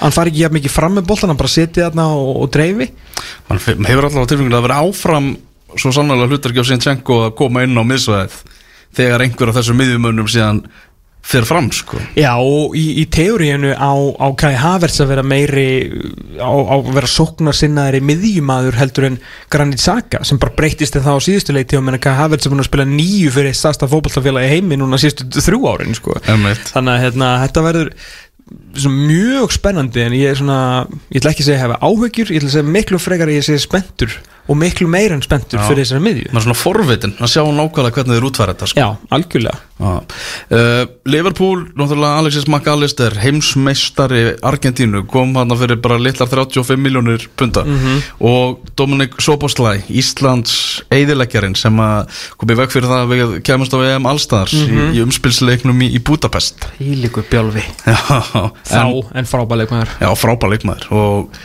þetta verður svona, svo verður orðaðar við hann að Kefra Tjúram hjá Nýs. Það hlýtar komið að búið skrifa allt og mikið um það til að koma ekki upp. Það var líka verið að tala um Manu Kone hjá Gladbach og Romeo, Romeo Lavia. Já. Á Southampton Lavi eru frábær kaup svona til framtíðar. Á hann bara 19 ára. Ef við treystum á það að og getur nú áfram náu kannski eitthvað aðeins að hreistu upp í honum og svona en, en Lavia er ótrúlega spennandi leikmaður sko. Mm Já, þetta er bara virkilega, virkilega solid hjá, hjá Liverpool. Þessi, og bara skiljanlega þá eru stuðnismenn Liverpool peppaðir. Þau eru að fara enda ofar en 5. sætið með við svona þessi kaup. En þeir eru ekki fann að gera í vörninni? Nei, Það er alveg, þú veist, við erum alltaf að vera áhrifum að háa línu með uh, menn og eru þeir að fara að gera eitthvað í vörninni? Þeir eru ekki orðaði við eitthvað að varna með Nei, það er sér að segja, meina, væti með hérna Van Dijk og Kornati aftur, ég meina, þú veist, Van Dijk þannig það getur ekki lifað á sem fyrstu tveimur og hálfu, þreimur árum sínum, hann alltaf bara, eins og við veitum, þá var þetta what have you done for me lately bransi og það er ekki merkilegt sem að Virgil Van Dijk hefur bóðið upp á okkur, bóðið okkur upp á sístu nýjum mánuðinu, sko. mm Þannig að En þá er þið alltaf með Alisson hann fyrir aftan sko. það, er, það er rosalega spennandi tímar í, í League með, með þessum, hérna, þessum nýju köllum sko. McAllister verður mjög fróðlegur því að hann er uh, ekki ofarlega eiginlega engum tölfræði þetta en hann er svona góður í mörgu og mörgina svolítið blekja því að hann var að skora á mörgum vítum. Ég er ekki að gagna þessi kaup, þetta eru frábær kaup sérstaklega því að hann kostaði náttúrulega samóki neitt og manni sem er treyst fyrir að spila með argentíska landslíðinu á leðinni að heimsmeistaratilli auglustlega getur eitthvað. En hann er ekki spektakular í neinu. Nei, en ég einhvern veginn lítið að Alexis er bara svona, sem svona lítinn leir sem að Jürgen Klopp getur alveg mótað í það sem hann vill. Mm. og það er það sem að gera mig spenntan fyrir hann ef McAllister var að fara núna í Chelsea þá held ég að myndi hverfa. Já, talandi um Chelsea svona kaupin á þeim, þeir eru bara svona svolítið að halda áfram því sem þeir hafa verið að gera í, í, klukk, í síðustu klukkum þeir eru að kaupa bara alla og enga og einhverja og, og eru hann að þú veist, já, Nicholas Jackson sóknarmæðinu frá Villarreal, Diego Morera 18 ára vangmaður frá Benfica Kristoffer Nkunku það eru alveg kaup. stóru kaupin, strækirinn þeirra. Sem Frá- er samt sko miðjumæður eiginlega. Já, uh, þú veist, verður hann fremstur á miðju hjá honum eða verður hann bara frammi?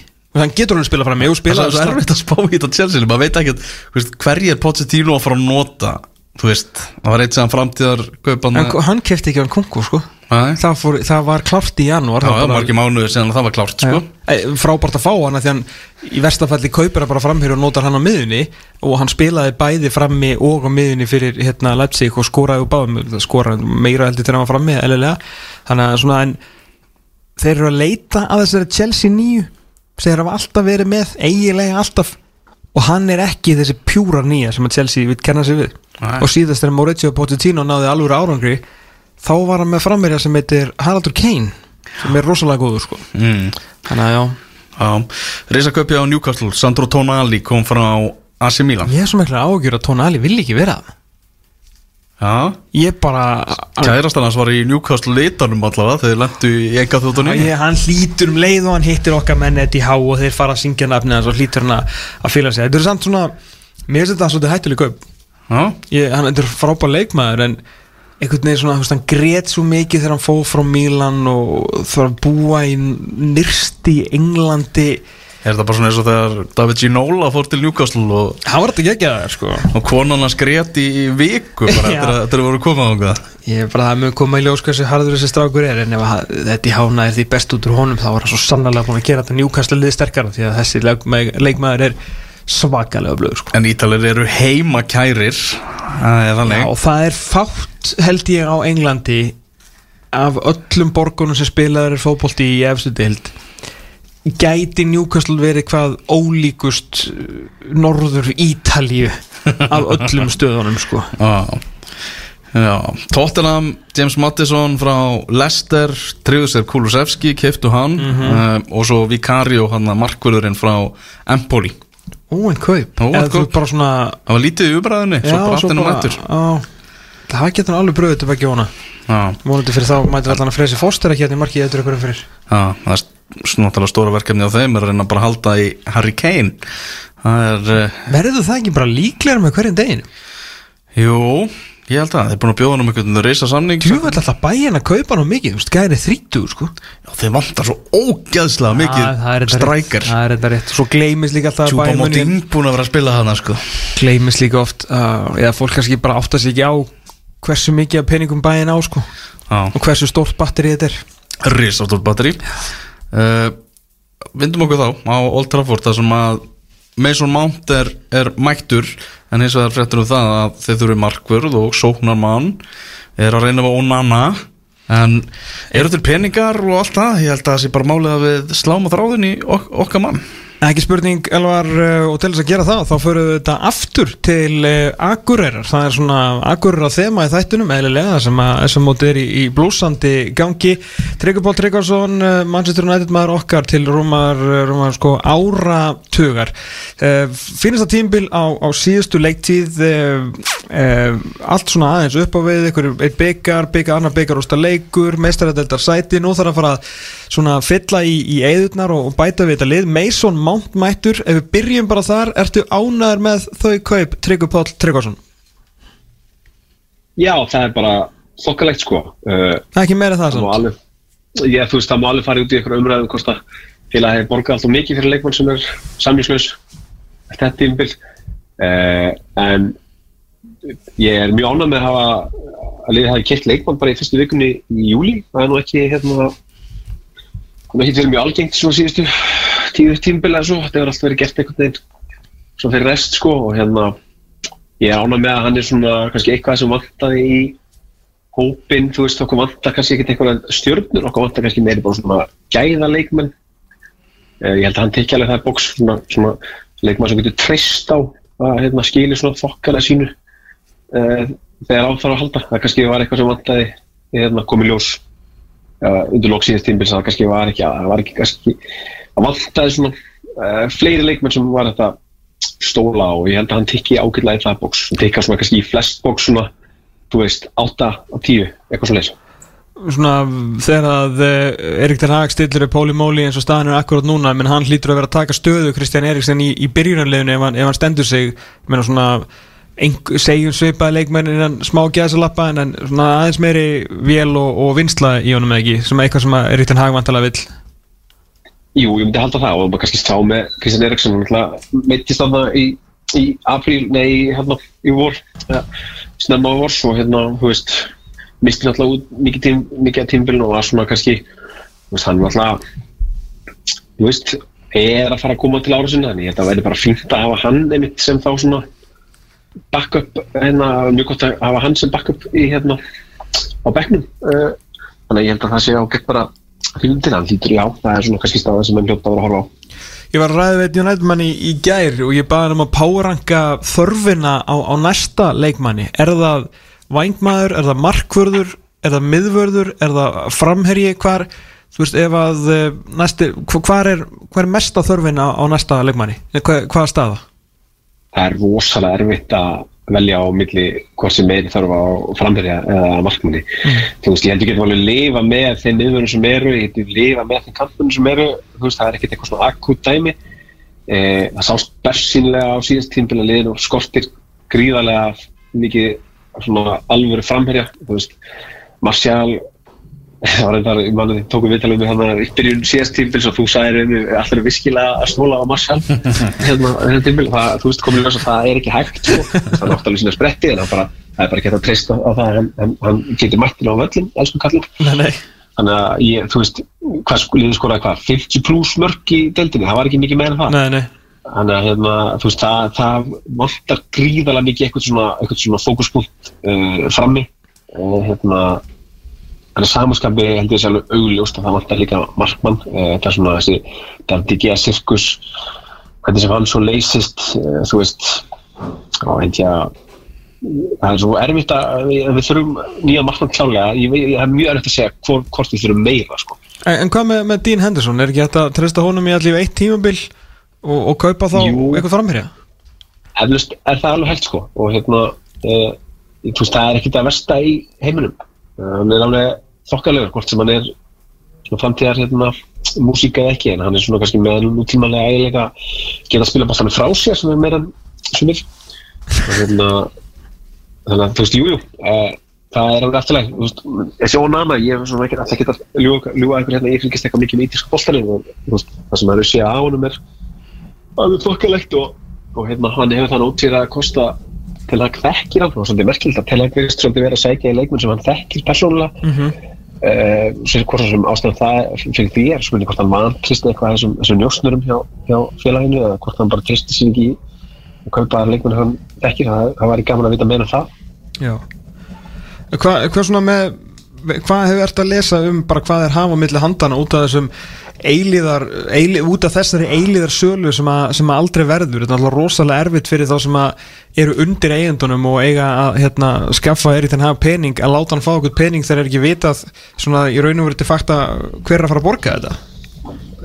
Nei, meitt, það, veist, það er líka ekkert mjög öðvist að lesa út hvað það hafa mikið pening. Það fyrir mjög tvennum sögum af því. Sem er reiknum með eitthvað svona sölum á leikmunum sem eru með tölum sem mann finnst, þú veist, svona fárlega, þú veist, ég sá að til þessi dag að mann var að rekna með það 30 miljónum fyrir 80 að langa, ég mjög ekki hvað drauma hérna, hérna menn, menn lifa þar, sko, þannig að þú veist, þetta er, ég held að þetta sé ekkit, þú veist, 100 miljónum punta er eitthvað svona tala sem hefur verið kastað út á maður, við fann alltaf ekki mjög mikið fyrir það í dag, sko, þannig að, hérna, þú veist, það er, maður kemur að mista, ekkert óvart ef það væri til dæmis bara eitt leikmar enn sem kemur inn, sko, Svo kannski að endur með þetta stöðun að það tekst að selja eitthvað en eins og mennum vita þá er náttúrulega stöðun leðilegast að liða um heiminum að selja leikmann Já síðan að Sönderland hætti að vera relevant þá gengur þetta ekki þetta Nei, það bara, það er ekki hægt En þegar þú horfur í, í kringu því í deildinni, þú veist, í svo sem þurfi ekkert mikið, þeir endur mun að enda með að fá Gordi Jól, hann að þú veist, það vantala hægt að fá þessi mörg og menna þeir vinna þess að deild. Eh, þú sér hvernig Edu er að gera þetta hjá, hjá Arsenal, það er búið með að losa mest á drastlinu þar, menna United gengur mjög illa að losa sína skussa svo sem Chelsea er á skrítumstag kannski akkurat núna, Liverpool fær inn nýjan EM og knastbyndumála sem að verist vera tölvert öflugri heldur það sem er að gerast hjá United, hann er strax komið tvo, þriðjó legin og jæfnvel svo, svo fjörði hvenar svona heldur þú að menn fari svona aðeins að, að spýti lóðan á, á þessari skrifstofu hjá, hjá þessum klubbi sem heldur með? Það gerist ekki neitt nefnum með nýjum eigundum sko. þetta skip er alltaf löngu silt að halda það þessi, þessi þú veist, geti einhvern veginn á tökum á sig þeir að reyna og reyna. En veist, þetta er svolítið þú veist, það er succession þættina, þá Já. er það svolítið þannig sko, þeir virka svona sýstinni eins og þeir viti nákvæmlega ekkert hvað þeir eru að gera. Og því að sko, rauninni maður sem var með business vitið í þessum þessar fjölskyldu var sérst pappið þeirra Malcolm, hann er náttúrulega lungu fallið frá sko, hann að þau hafa einhvern veginn verið eftir að hérna móða úr því sem eftir var og það er ekkert gengið eitt sérstaklega vel á öllu vikstöðum þetta er svona bara svona hefni hvernig þetta spilast út úr þetta hjá United var þetta svona virðisöknu kona?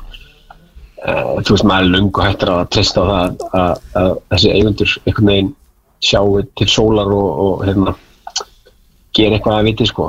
Þannig að ég, ég bara hef enga trú á, á neinu einhverjum svona umbútu þar fyrir að þeir eru hlarnir hvort sem að verða því, ég er ekkert eins og sem að verði nýðustanum og söldu saman En gæti svona, þessi árangur er ekkert hann orðið með til þess að svona þetta backfæri og þeir vilji bara ekki ekkert fara, þeir sjáu fram á að vera hluti af einhverju nýri góðsend tíð en átt að segja því að hún kemur aldrei nema þeir fari, þannig að þetta sé bara svona algjör vítarhingur Það getur verið, ég held svo líka að þeir þeir hugsa ekkert svona langt sko. Og svo er líka það sem flækir þetta þetta er undir einhver, mann ekki fjögur af fimm sískinni og, og það, það er verið tveir bræður sem kannski sjá mest um svona, þú veist, reksturinn á þessu, en þau hafa samt öll eitthvað með jafn mikið að segja um, sko, endanlegar ákvarðanir, sko, eins og eins og sörn og það er að tala um að þau sé ekkert sammála um hvort þið að selja eða ekki, sko, þannig að þetta er svona, kannski ástæð fyrir þetta að við tekið eitthvað átta mánu og hérna, engi veit neitt um neitt, sko.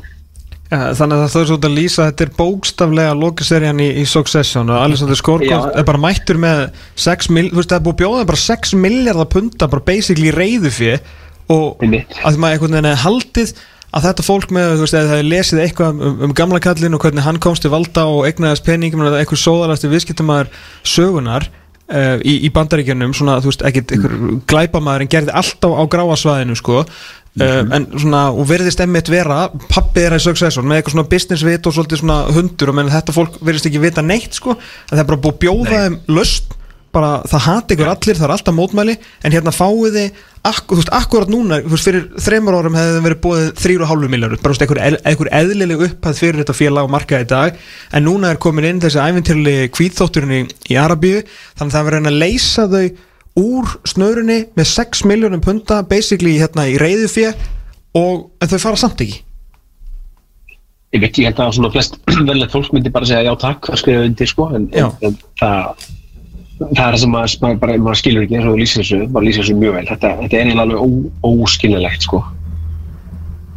Já. þannig að já og þú veist ég meina en ef það væri kannski eitthvað svona alveg alveg á bakvið þetta allt saman þá væri þetta bara klappa á klást sko. Þetta taka svona rosalega langa tíma og bjóða mér um að bjóða aftur og aftur og aftur og þeir eru að vonast eftir einhverju upp og því maður maður veltir fyrir sig hver er eiginlega að tala sem er að sækjast eftir sko því að þú þú veist 6 miljardar punta það er gigantískar upp svakaleg uppað fyrir að vera og líka bara einmitt, til þess að hætta að vera svona hataður með þetta er alveg, þetta er bara þú veist, við mitt út með hann að pífið í hvað marga sem bústilega hata er bara líf og sál sko. Já, bara þú veist á öllum sínum bara lífs og sála vilja sko. ég, ég held svona þegar við, við reyðum með tólið á þessum fallega lögati að við myndum grípa því svona hressan og kátan komið nýjan fótboltakall og svona þriðasæti og byggar og eitthvað en ég maður bara svona eiginlega feð bara svolítið súr út í daginn eftir að spjalla við. Ertu svona svarsýnt fyrir tímbilið? Já, þetta er bara þau áhrif sem þessi, þessi bandarska fjölskylda og, og það er líka er það sem er líka fúlt við þetta sko er að einhvern veginn að þið skildur sko nú endilega taka þessu blessaða 6 miljonar tilbúið ég er svona ég er ekki sérstaklega hrifin að því að einhver ríki séu að nota peningar til þess að hérna, til þess að svona færa svona ímynd. Og þú veist, það, það er líka svo súrt eða myndi, þú veist, eftir öll þessi ár af svona algjöru van, algjöru vannrækslu að þeir myndi svo einhvern veginn astnast til þess að þú veist, kassa út fyrir þennan pening og selja katar, þú veist, það myndi svona einhvern veginn taka allan svona, ég veit ekki, það myndi ekki gera þú veist, það er erfitt að vera einhvern veginn svona sami stuðningsmaður áfram, sko, þú veist, ég, mér langar ekki að hvetja ykkur ríki áfram, sko Nei, nei, nei, ég skil Þannig ég að, skil. hérna, þú veist, það, það er líka ekstra súrt, sko, en, en hérna en þú veist, jú, bara síðast tímlu var bara mjög fínt og hérna, þú veist, ég held ég hef sagt í saman viðtalið við talaðum á, þegar ég var að tala um Marcial að þá að ég vilja eina sem ég vildi sjá frá Ten Hag var svona vísbendingar um hann réði við verkefni og ég held að hann hafi svo sannlega sínt það Já. bara á, á mörgum vikstöðum að hann, hann gerir það svo sannlega og hérna, þannig að þú veist eh, einn, tvær viðbættur viðbót og ég meina við getum alveg það getur verið mjög gott tímbil framöndan sko. Ekki spurning, Tryggvi, takk hjá að taka síman að vanda allum að fara að leipa þér út í, í daginn. Gaman að heyri, vinnur Takk svo vel Það held ég út á satturinn fókbalta.net hér á X977 Við erum komin að leiðarlokum Ég ætla að reyna að ná í gumma á möldu En það gekk því miður ekki. Einhverjir teknilegir örðuleikar hérna hjá okkur En já, Ísland og Noregur gerðu 1-1 jafntefli í Evrópamóti U19 landsliða í gær Það sem ekki Stárun Guðmundsson sem hefur verið gjósanlega geggjaður Leikmaður stjörnunar jafnaði leikin í 1-1 á 89. mínútu leiksins Uh, íslenska liði spilaði virkilega vel í leiknum boltinn bara vildi ekki einhvern veginn fara inn í markið en það tókst að lokum í, og þetta stórkostlega mark sem ekki skoraði gerða verku um að við erum bara í sjans fyrir loka umferðina þráttur að vera án líkil manna sterkra posta í uh, þessu móti.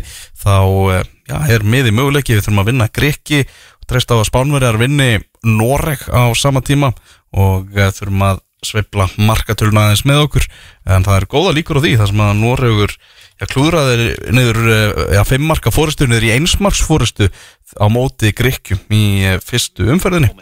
Í augnablikinu næst ekki Já, það er eh, næst ekki í, í gumma á möldum þar sem að eh, já, hann er léttuljúfur og kátur en uh, er í sólinni, en það er nú bara eins og það er en við ætlum að fara að segja þetta bara gott þennan laugadaginn, ég ætla að fara að koma mér út í sólina það skella mér á leik þróttar og vestra sem er að fara að hefjast hérna rétt fyrir rétt við Suðurlandsbrautina en já, það verður innkast á mánudaginn. Og aldrei vitan við náum að ringja í gumma í, í þeim þætti og taka þess stemminguna fyrir U19 landsliðinu. En uh, segjum þetta gott. Þannig að daginn út af státturinn verður hans breytri mynd. Kemur inn sem hlaðvarpstáttur á föstudaginn verður frumfluttur þar. Þanga til, verðið sæl